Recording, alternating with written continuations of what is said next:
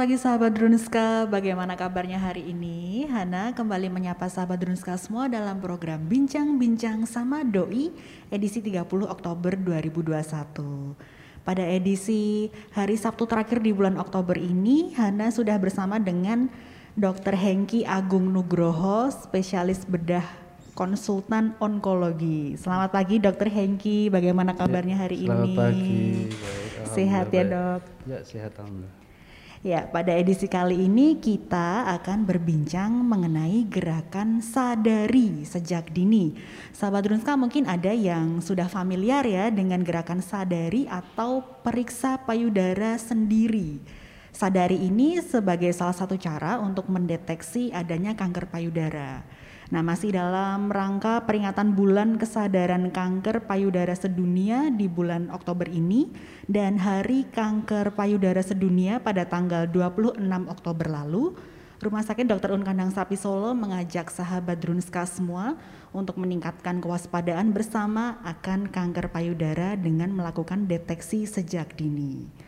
Nah, bagi sahabat Drunska yang ingin bergabung dan ngobrol dengan Dr. Hengki, seperti biasa, disampaikan saja pertanyaannya melalui kolom komentar. Akan ada giveaway dari Rumah Sakit Dr. Un Kandang Sapi Solo bagi sahabat Drunska yang beruntung. Kita langsung ke tema utama aja ya Dr. Hengki, seputar gerakan sadari. Nah, sebelum ke spesifik ke sadarinya, mungkin bisa dijelaskan dulu dokter siapa sih yang berisiko terkena kanker payudara? Ya terima kasih. Eh, eh, yang paling berisiko terkena payudara terutama adalah wanita. Ya, pria juga tetap bisa terjadi suatu kanker payudara, tapi yang eh, paling berisiko adalah wanita. Di mana wanita itu ada kecenderungan hormonnya bisa naik turun ya. sehingga bahan bakar dari kanker sendiri biasanya adalah hormon uh, estrogen biasanya untuk kanker payudara jadi semua wanita punya risiko untuk terjadinya kanker payudara ya. Itu eh, ke usia berapa dok biasanya? biasanya kebanyakan 40 tahun ke atas ya. Mulai banyak terjadi kanker payudara tapi saat ini trennya kok makin muda. Pada usia muda sudah banyak yang terkena. Dan pada usia muda punya sifat yang lebih ganas dibandingkan kalau yang dapat pada usia tua. Jadi sama-sama kena kankernya tapi yang satu agresif yang usia tua dia lebih pelan. Pertumbuhannya lebih pelan dan tidak terlalu agresif. Dalam hal ini tidak mudah cepat membesar dan tidak mudah untuk menyebar. Ya bedanya di situ biasanya. Untuk penyebab kanker payudara selain hormon tadi ya dokter, Hmm. itu lebih ke faktor apa dok? ya sampai segini penyebabnya belum diketahui. Ini di, diperkirakan ya banyak multifaktor ya ya bisa ya dari radiasi bisa dari apa apa eh, pengawet makanan. Trauma juga bisa maksudnya dulu riwayat terbentur itu bisa suatu saat terjadi juga ya. Faktor keturunan juga bisa tapi itu sebetulnya cuma kecil sekali cuma 2 sampai 5 persen jadi nggak usah takut malah yang ditakutkan itu sebetulnya pola hidup kita ya. Kemudian untuk gejala kanker payudara nih yang kadang suka di orang-orang masih belum sadar kalau ini tuh mengarah ke kanker gitu Ya, dok. Eh, benjolan di payudara itu sebila, eh, sebagian besar itu jinak sebetulnya. Jadi eh, jadi sebetulnya jangan takut. Kebanyakan yang pasien yang datang ke rumah sakit itu karena awalnya takut. Ya. Tidak semua benjolan di payudara itu harus dioperasi. Ya, bisa dengan pola hidup sehat ataupun minimal mungkin dilakukan uh, bila bentuknya kista bisa kita melakukan penyedotan saja jadi nggak perlu operasi. Kebanyakan datangnya seperti itu. Ya untuk benjolan payudara lebih banyak jinaknya daripada ganasnya. Tapi jeleknya untuk yang ganas dia tuh tidak ada keluhan. Ya.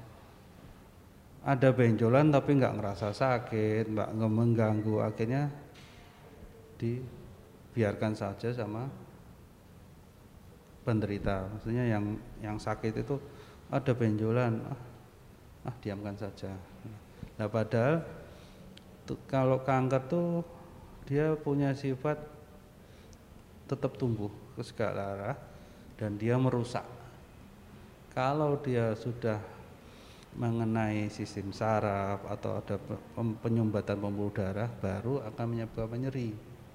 Tapi kalau sudah eh, kondisi saat itu stadiumnya otomatis lebih tinggi gitu.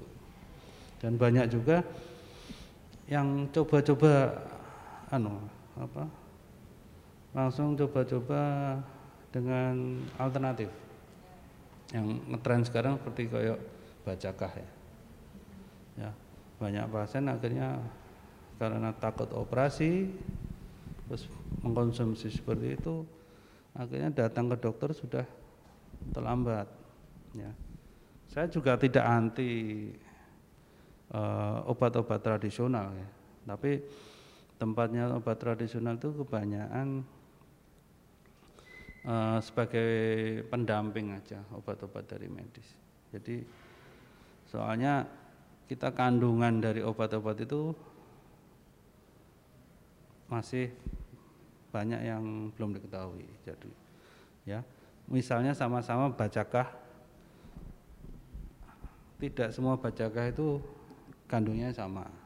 Sama seperti kita kalau ya istilahnya seperti buah mangga ya, sama-sama momennya contohnya buah arom manis tapi berbeda-beda juga kan ada yang benar-benar manis ada yang kecut jadi isinya tergantung mungkin letak kondisi tanah yang ditempati oleh itu apa pun jenis-jenisnya juga kita nggak tahu soalnya itu aja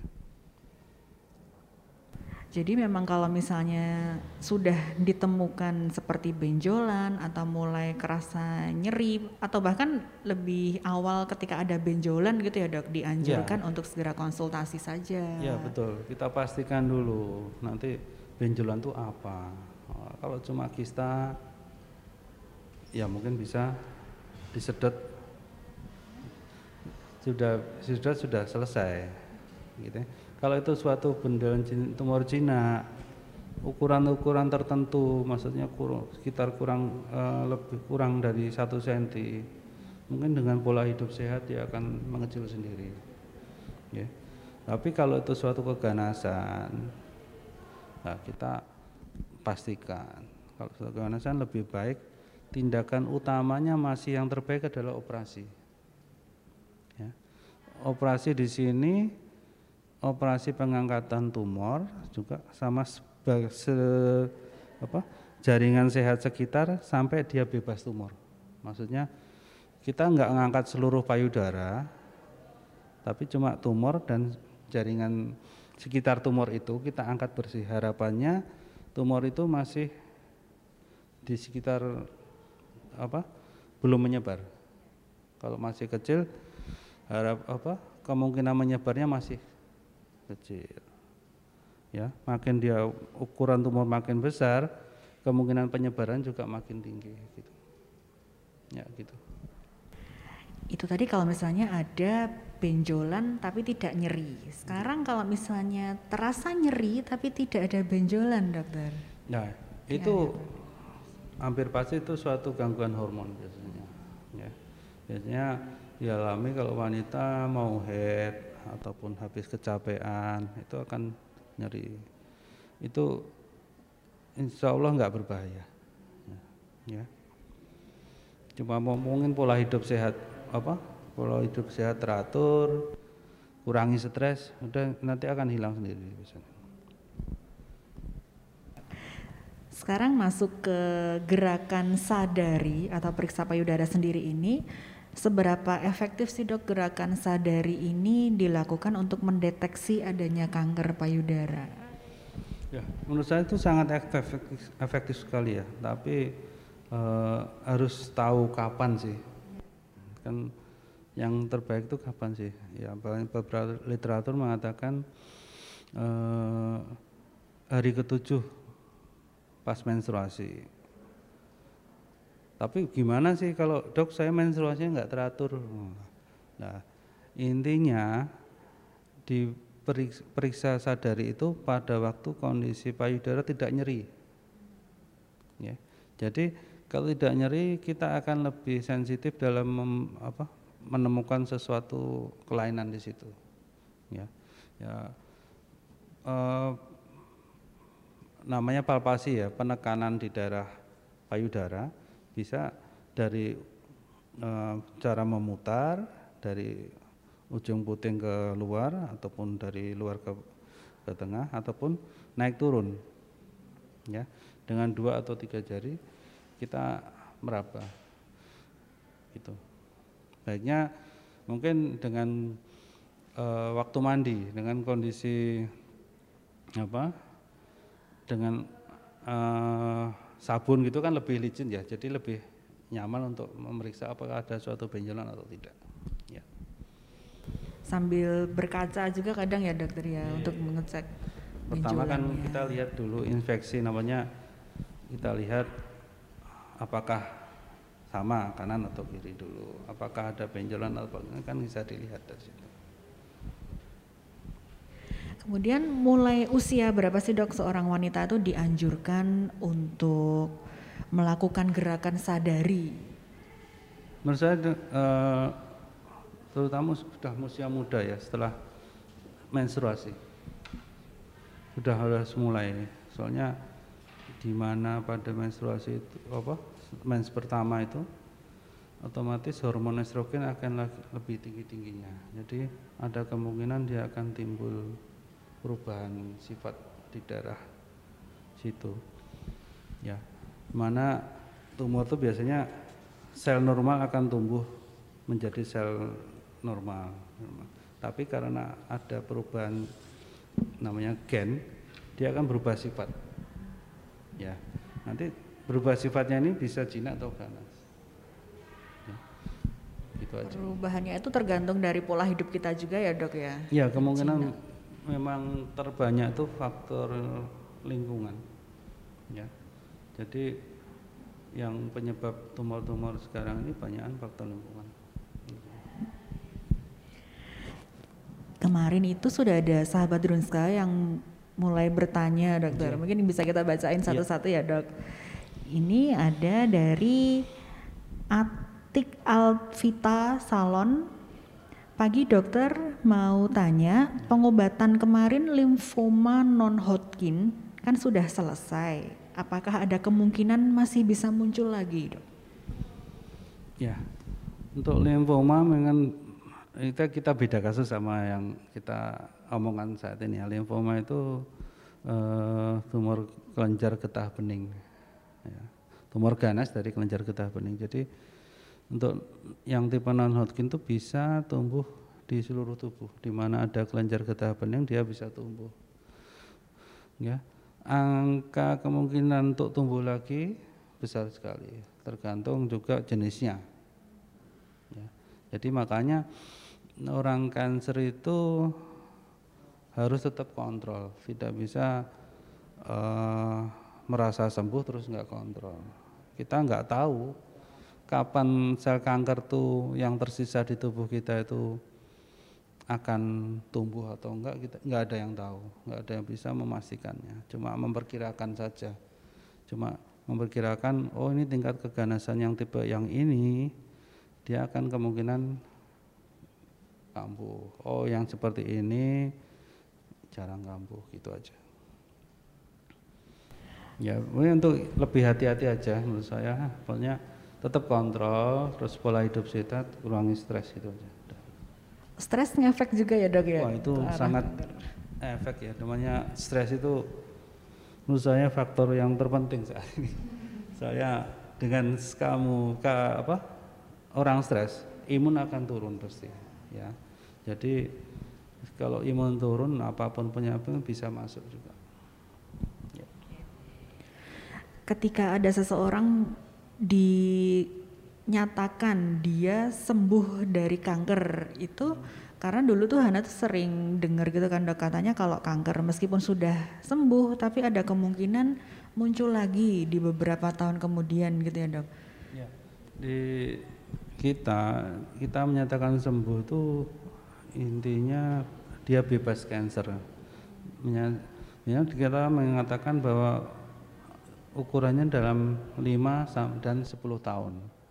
Ya, jadi dalam lima tahun dia bebas kanker.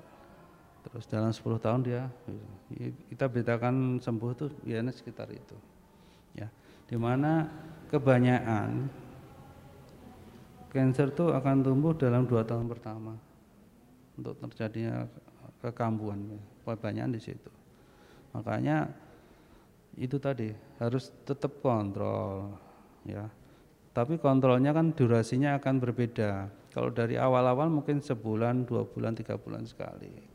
Tapi kalau sudah nanti mendekati lima tahun, mungkin setahun, dua tahun sekali gitu. Kemudian ada pertanyaan lagi dokter dari Ida Ayu WP. Dokter, saya mastitis TB dan saya masih berobat dengan dokter spesialis paru. Berapa lama ya dok payudara saya ini akan sembuh? Mungkin dia dari riwayat tumor ya. atau kanker dok? Ya. Uh, ada beberapa benjolan payudara yang yang menyerupai penampaknya menyerupai kanker, tapi dia merupakan suatu infeksi. Ya. Biasanya kebanyakan infeksinya mungkin uh, dari TB. Jadi TBC ya, TBC itu tidak harus dia dari paru. Jadi TBC itu bisa tumbuh di mana dia suka. Di mana biasanya dia dapatnya waktu-waktu kecil biasanya. Waktu dewasa, waktu imunnya turun, tuman itu akan berkembang. Di mana dia apa? menetap ya. Kalau di payudara ya jadi suatu peradangan di payudara kita namanya mastitis TB ya kalau di maunya di kelenjar getah bening, biasanya di leher. Itu kan timbul juga akan mungkin sampai pecah bernanah itu mastitis. Bisa juga suatu itu ciri khas dari limfadenitis TB, infeksi kelenjar getah bening karena TB. Ya. Bisa juga di usus, bisa juga di mana saja di otak, di mana-mana di tidak harus selalu di paru. Jadi pengobatan TB ya dengan obat-obat anti TB biasanya sekitar 6 sampai 8 bulan. Ya. Nanti setelah pengobatan itu bisa kita cek lagi kita pemeriksaan fisik maupun kalau usia muda mungkin dengan USG payudara. Ya. Selanjutnya ada lagi setelah dilakukan operasi payudara, apakah kanker sudah dikatakan sembuh, Dok?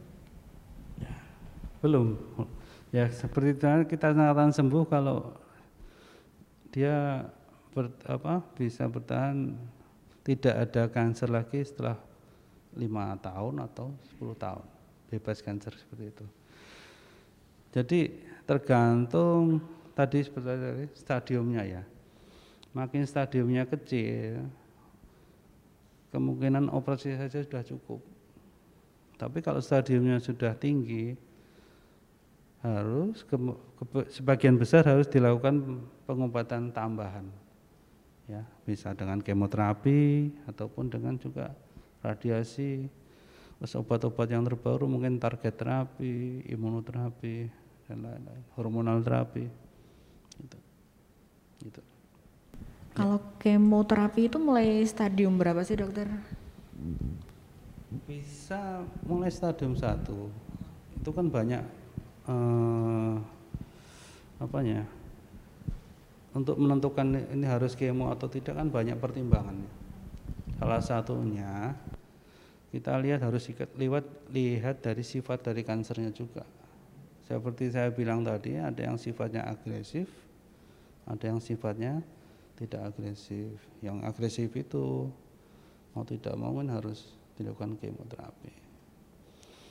Ya, satu dikatakan satu sentimeter tumor itu isinya sekitar satu miliar sel. Jadi kita bisa bayangkan mungkin ada satu dua itu yang sudah jalan-jalan di tubuh kita. Jadi, nah kapan dia tumbuh, kapan dia bangun, apakah dia akan tidur terus, nggak ada yang tahu. Oke, bagi sahabat Runska yang ingin bergabung ngobrol dengan Dr. Hengki seputar kanker payudara, seputar gerakan sadari atau periksa payudara sendiri sejak dini ini bisa langsung menyampaikan pertanyaan melalui kolom komentar seperti biasa dan hari ini Hana dan Dr. Hengki berada di ruang PKRS, salah satu ruang pertemuan di rumah sakit. Jadi meskipun di dalam ruangan, kami tetap menerapkan protokol kesehatan untuk mencegah transmisi COVID-19 yang hingga hari ini, meskipun kasusnya sudah turun, tapi masih harus tetap kita waspadai. Dan sahabat Drunska juga harus tetap terapkan protokol kesehatan, jangan sampai kendor. Kita lanjut baca pertanyaan dari sahabat Drunska ya dokter ya. Iya, ini dari Naserainuni. Tadi mungkin sudah dijelaskan, tapi ini baru saja join sepertinya dok. Mulai usia berapa kita rutin memeriksa kesehatan payudara? Ya, diutamakan itu biasanya usia 35 ke atas. Ya, kita lakukan screening. Nah, screening yang terbaik itu dengan dengan mamografi dan USG kombinasi dari situ dua itu. Ada screening lebih baik dengan MRI tapi harganya terlalu masih terlalu mahal. Ya. tapi untuk aman memang saya bilang tadi setelah dia akhir balik jadi setelah e, menstruasi pertama kali harus sudah mulai. Mulai memeriksakan apa meriksa sendiri tadi apakah ada sesuatu di payudaranya. Ya, jadi lebih awal lebih bagus menurut saya. Ya. Jadi patokan awalnya dianjurkan setelah haid pertama ya dok ya? Iya, mana hormon sudah mulai lagi tinggi-tingginya, jadi ada kemungkinan kalau ada faktor lain dari luar yang uh, memicu untuk terjadinya suatu tumor, kemungkinan besar sudah terjadi mulai saat itu. Ya. Kemudian, apakah kanker payudara selalu ditandai dengan benjolan, dok? Apakah secara penglihatan maupun perabaan bisa dibedakan mana benjolan biasa, mana benjolan yang cenderung mengarah ke kanker? Ya, kebanyakan memang awalnya tetap benjolan, ya memang beberapa kasus uh, diketahui dengan pemeriksaan penunjang tadi dengan MRI itu dalam bentuk-bentuk tertentu mikrokalsi kita mengatakan mikrokalsifikasi ya. Jadi bintik-bintik putih yang terlihat di ronsen MRI itu mengarah ke ganas tapi kita harus memastikan ya. Meskipun dia ada belum benjolannya belum teraba ya. Jadi untuk membedakan itu suatu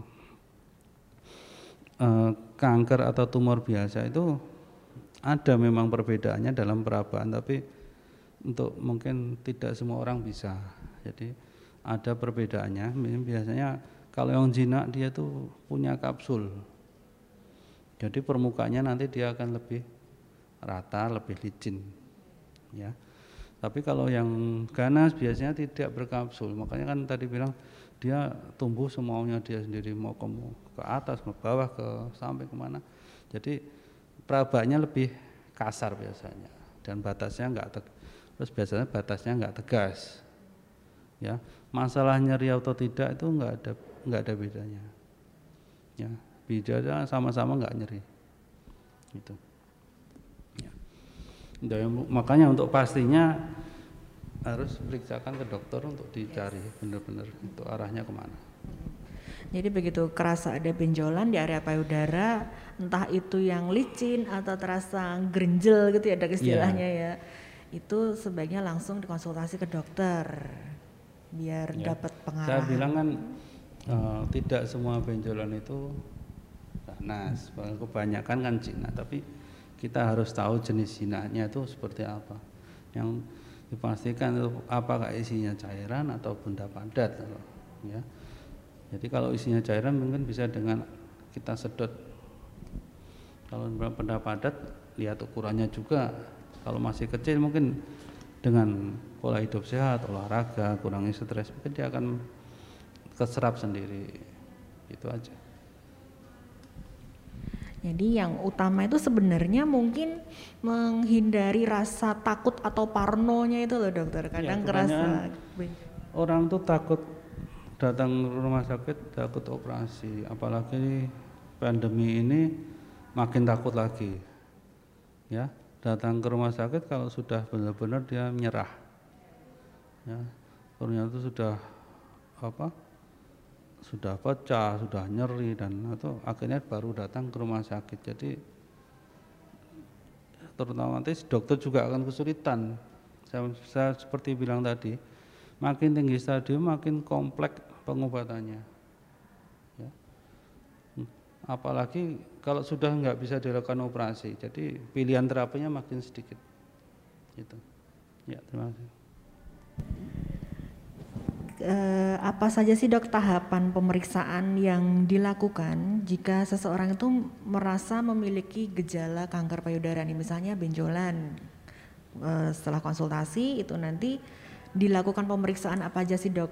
Ya, pertama tetap dilakukan pemeriksaan eh, kita apa anamnesis dulu untuk mulai dia kapan, apakah cepat membesar atau tidak harus tahu dulu kemudian faktor-faktor risiko lagi dari keluarganya apa riwayat KB riwayat apa-apa juga ditanyakan. Kemudian kita lakukan pemeriksaan fisik ya.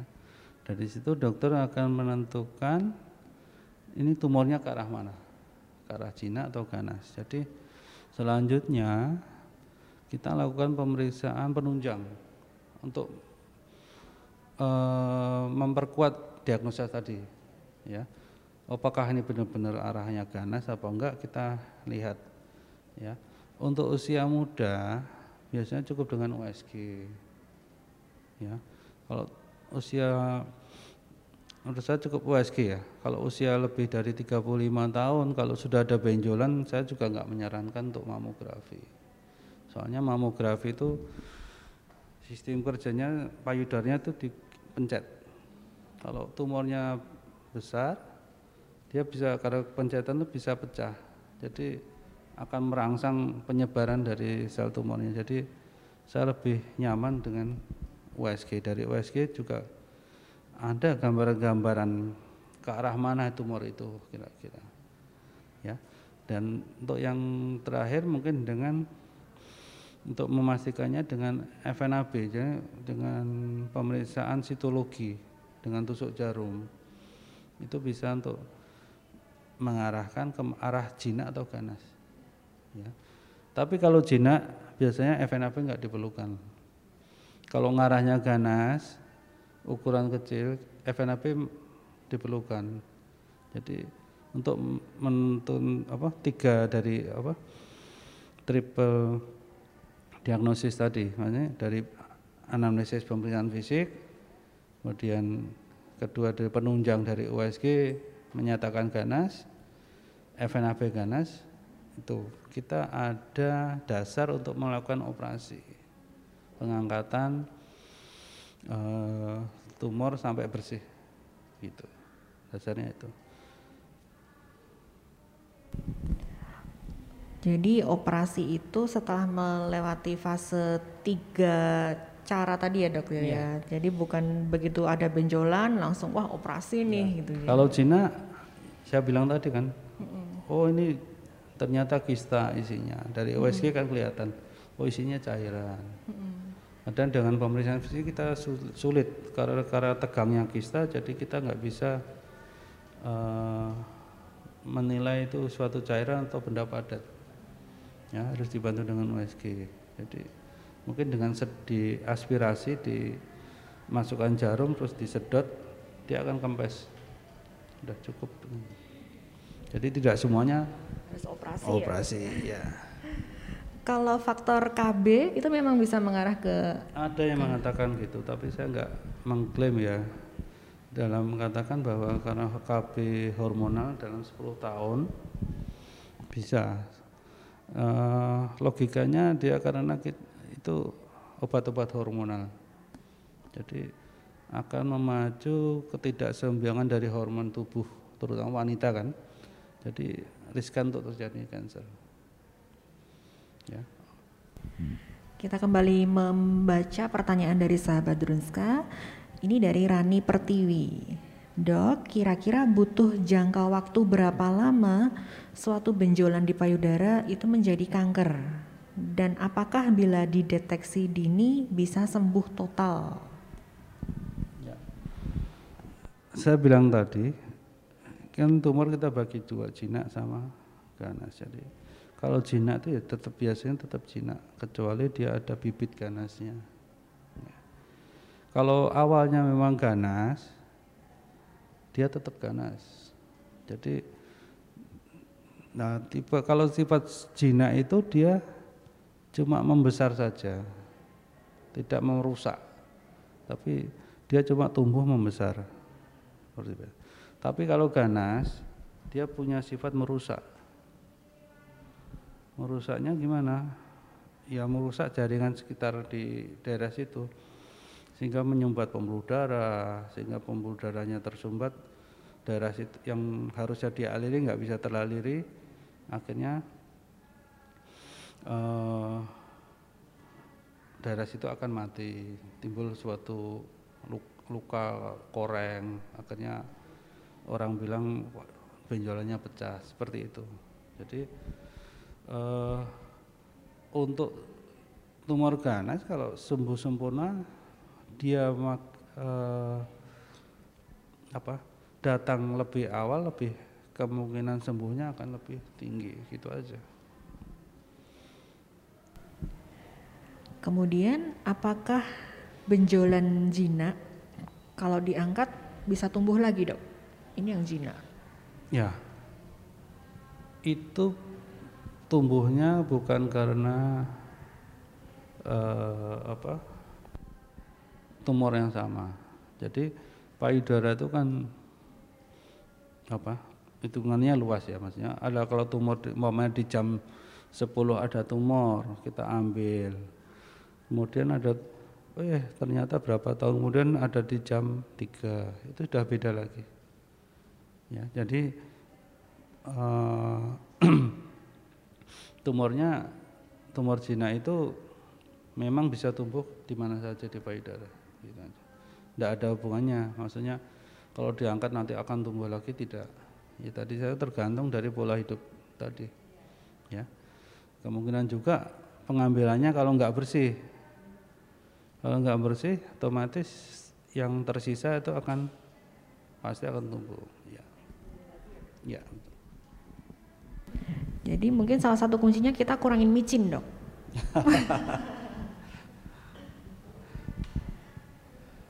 Kemudian ada lagi pertanyaan dok dari Rani Pertiwi, apakah dengan mengkonsumsi suplemen tinggi antioksidan itu bisa membantu pemulihan atau pencegahan kanker payudara?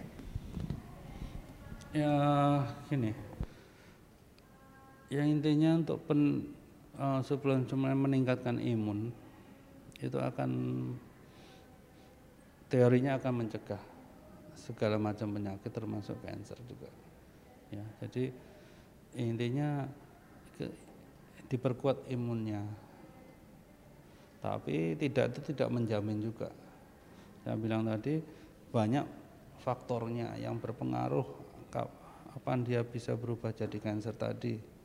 Ya yang kita tidak bisa sadari bisa dia dari polusi udara dari apa mungkin dari uap bensin radiasi yang tidak kita sadari ataupun dengan pengamat-pengawet yang kita makan yang meskipun katanya organik ternyata dia pakai pestisida dan lain-lain kan kita sebetulnya nggak nggak bisa apa ya sehati-hati itu kenyataannya ya nah, jadi banyak faktor ya tapi dengan meningkatnya imun dia akan mengurangi untuk kemungkinan terjadinya kanker. Ya.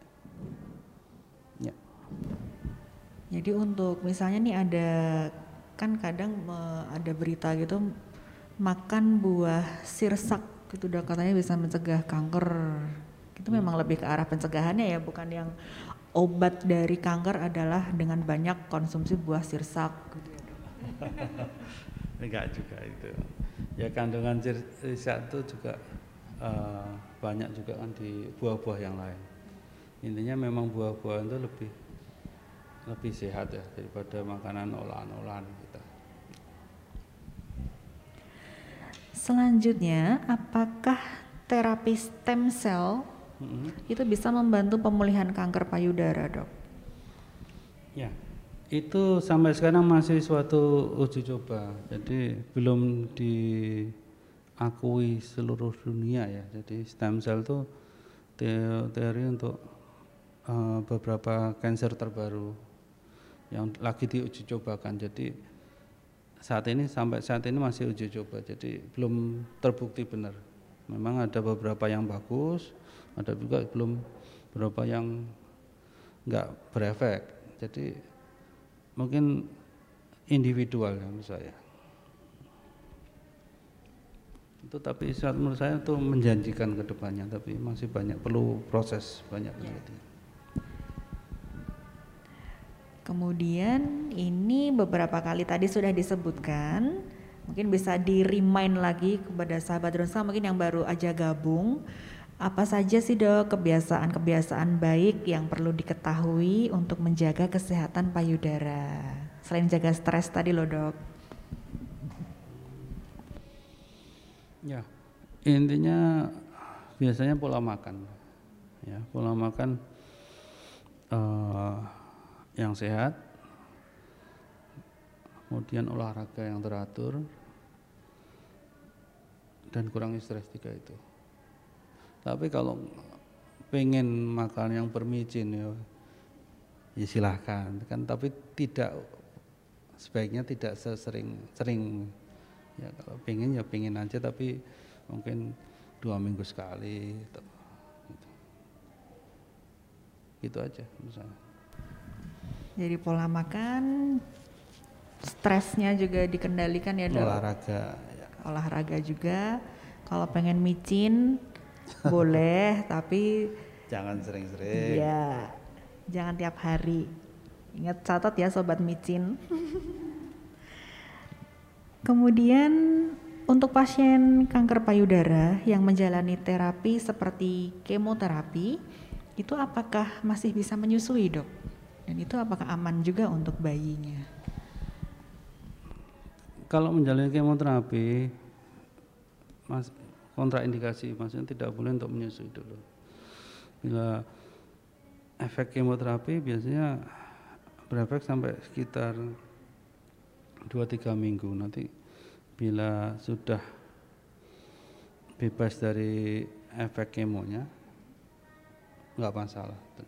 Tapi jarang ya. Uh, kalau menurut saya lebih amannya tidak menyusui. Kita nggak tahu uh, obat-obat kemo yang tersimpan itu akan terbuang kapan uh, susah juga untuk.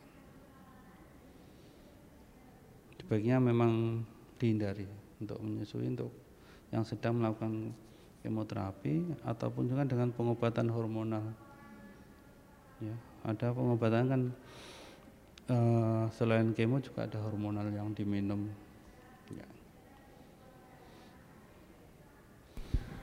Untuk kemoterapi kanker payudara sendiri itu dilakukan berapa kali sih dok? Kalau misalnya stadiumnya masih yang awal? Ya, saya bilang tadi kemoterapi itu pilihan tergantung banyak hal. Contohnya tadi ukuran tumor pengaruh, sifat-sifat tumor pengaruh, juga adanya metastase atau tidak juga pengaruh. Jadi biasanya kita pemberiannya minimal enam kali.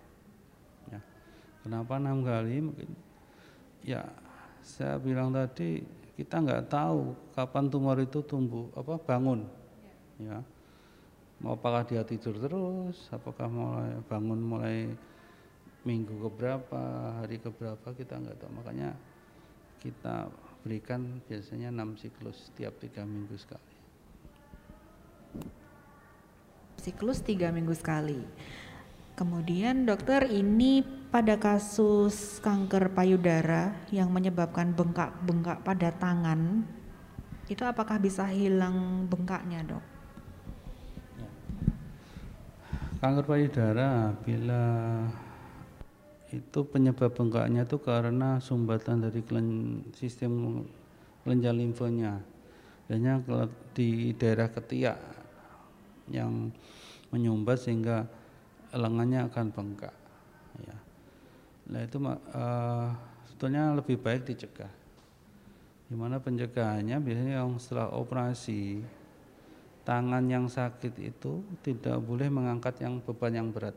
Jadi intinya tidak uh, apa merangsang kelenjar di yang di ketiak itu untuk membesar bisa rangsangan itu macam-macam biasanya karena capek satu capek kemudian ada infeksi di daerah lengan itu Nah, salah satunya tadi kan tidak boleh mengangkat beban yang terlalu berat. Minim maksudnya hitungannya sekitar 5 kilo kalau saya. Ya. Jadi lengan yang sakit itu yang bekas operasi itu dikatakan suatu lengan emas, tangan emas. Jadi sesuatu yang bisa menyebabkan luka di situ harus dihindari. Contohnya kalau harus kemo ya dia tidak boleh dilakukan pengambilan darah di daerah situ, disuntik nggak boleh, ditensi pun nggak boleh. Sampai ekstrimnya dulu guru saya pakai cincin aja nggak boleh. Ya, bisa cincinnya kekecilan kejepit sehingga akan mungkin timbul peradangan di situ dan lain-lainnya sehingga itu akan memacu terjadinya pembengkakan yang kita bilang itu limfedem. Ya, kalau awal bisa sudah terjadi awal bisa dengan fisioterapi biasanya dan bila tidak berkurang dengan fisioterapi ada teknik operasi khusus untuk kita sambungkan kelenjar limpo yang tersumbat tadi jadi saat ini adanya di uh, Dharma Jakarta teman-teman saya Kemudian tadi sempat dijelaskan salah satu cara yang baik untuk mendeteksi kanker payudara itu adalah dengan MRI ya dok ya. Yeah. Meskipun biayanya masih cenderung tinggi, tapi seberapa besar sih dok tingkat efektivitas MRI itu dalam mendeteksi kanker payudara daripada USG gitu? Ya. USG itu kan operator dependent, maksudnya juga kalau tumor itu menyebabkan nyeri otomatis uh, pemeriksaan juga akan berbeda ya maksudnya harus dengan penekanan segini tapi karena dia nyeri harus menarik alatnya juga jadi uh, lebih sulit untuk apa melihat itu arahnya ke mana kalau MRI kan di kita memakai mesin suatu mesin canggih, pemeriksaan canggih yang pasien cuma tidur saja, nanti akan terlihat gambar payudaranya seperti apa. Di situ akan terlihat lebih lebih jelas. Jadi tumor-tumor ini arahnya ke mana? Jadi pemeriksaannya beda, uh, lebih sensitif untuk MRI. Tapi masalahnya MRI kan sangat mahal sehingga belum suatu uh, dijadikan patokan untuk uh, untuk apa pemeriksaan yang rutin dilakukan.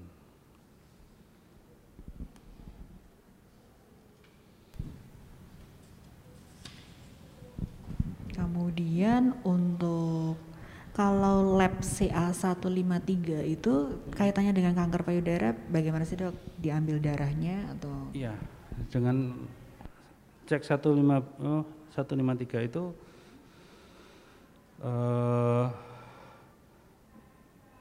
pemeriksaan dengan darah, tapi tujuannya untuk melihat adanya kekambuhan atau tidak, itu saja. Tapi banyak-banyak faktor lain yang berpengaruh. Jadi uh, belum tentu juga. Tapi kalau signifikan tingginya biasanya ada kekambuhan bisa dalam bentuk uh, tumbuh tumor baru atau penyebaran di organ lain. Ya. Tapi kita harus mencari, mencari di mana organ itu yang terken, yang tumbuh itu di mana, ya. Yang ada di sini mungkin dengan foto ronsen, USG atau MRI. Tapi kadang beberapa itu tidak terdeteksi juga. Mungkin yang saat ini yang terbaik adalah dengan PET scan. Tapi masalahnya di sini Jawa Tengah belum ada, adanya mungkin di Jakarta dan antrinya juga banyak dan harganya masih tinggi untuk pemeriksaan sekitar 10 juta. Dan itu bisa mendeteksi kanker ukuran setengah sampai satu sentimeter di mana pun akan tampak di situ. Ya, ya itu masalahnya ah, masih hanya di Jakarta dan harganya sangat mahal. Kemudian mengenai pasca operasi, pasca operasi pengangkatan payudara dan perawatannya itu supaya cepat pulih bagaimana dokter? Ya. Untuk intinya untuk penderita nggak ada pantangan makan, ya banyak kalau orang-orang dulu tuh jangan makan ikan, jangan makan telur, nanti gatel, nanti malah, itu malah berbalik bertolak belakang. Ya. Malah nutrisi-nutrisi protein itu yang tinggi itu sangat diperlukan untuk penyembuhan luka. Jadi makan bebas, kecuali kalau yang ada gula atau apa ya. Makan bebas. Utamakan yang bergizi dan protein tinggi.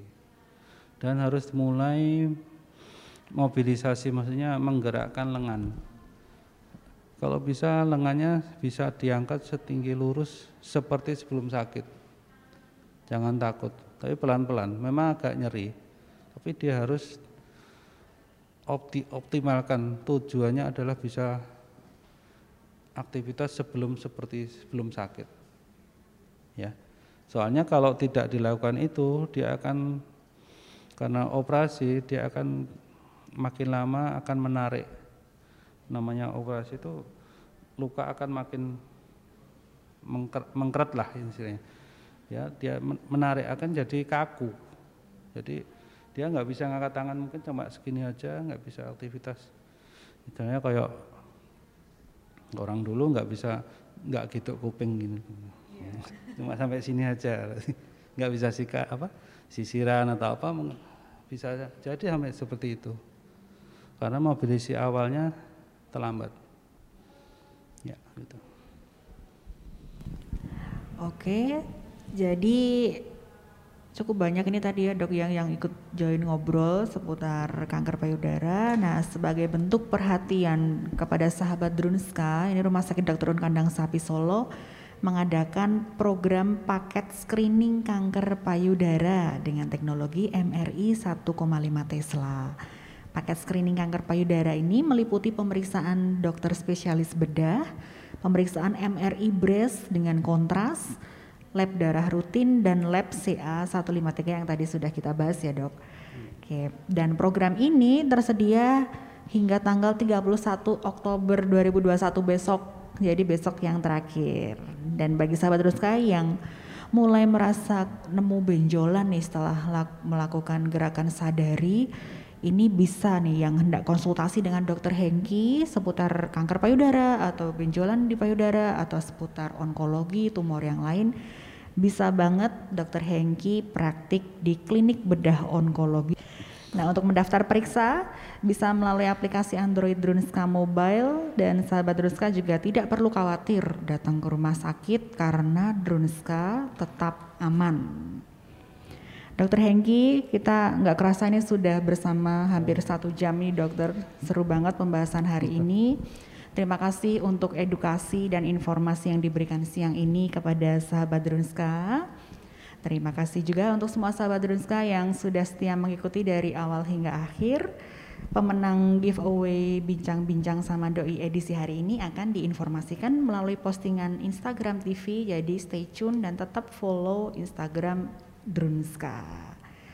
Tetap jaga kesehatan dengan makanan yang bergizi. Jangan lupa untuk selalu mencuci tangan dengan sabun jaga jarak fisik dengan orang lain, terapkan protokol 6M, maskernya jangan sampai kendor. Selamat melanjutkan aktivitas bagi sahabat Drunska semuanya. Jangan lupa untuk tetap jaga kebersihan dan kesehatan. Kita berdoa semoga wabah virus corona ini segera berakhir. Rumah Sakit Dr. Kandang Sapi Solo aman untuk Anda. Sampai jumpa di acara Bincang-Bincang sama Doi edisi selanjutnya. Selamat pagi.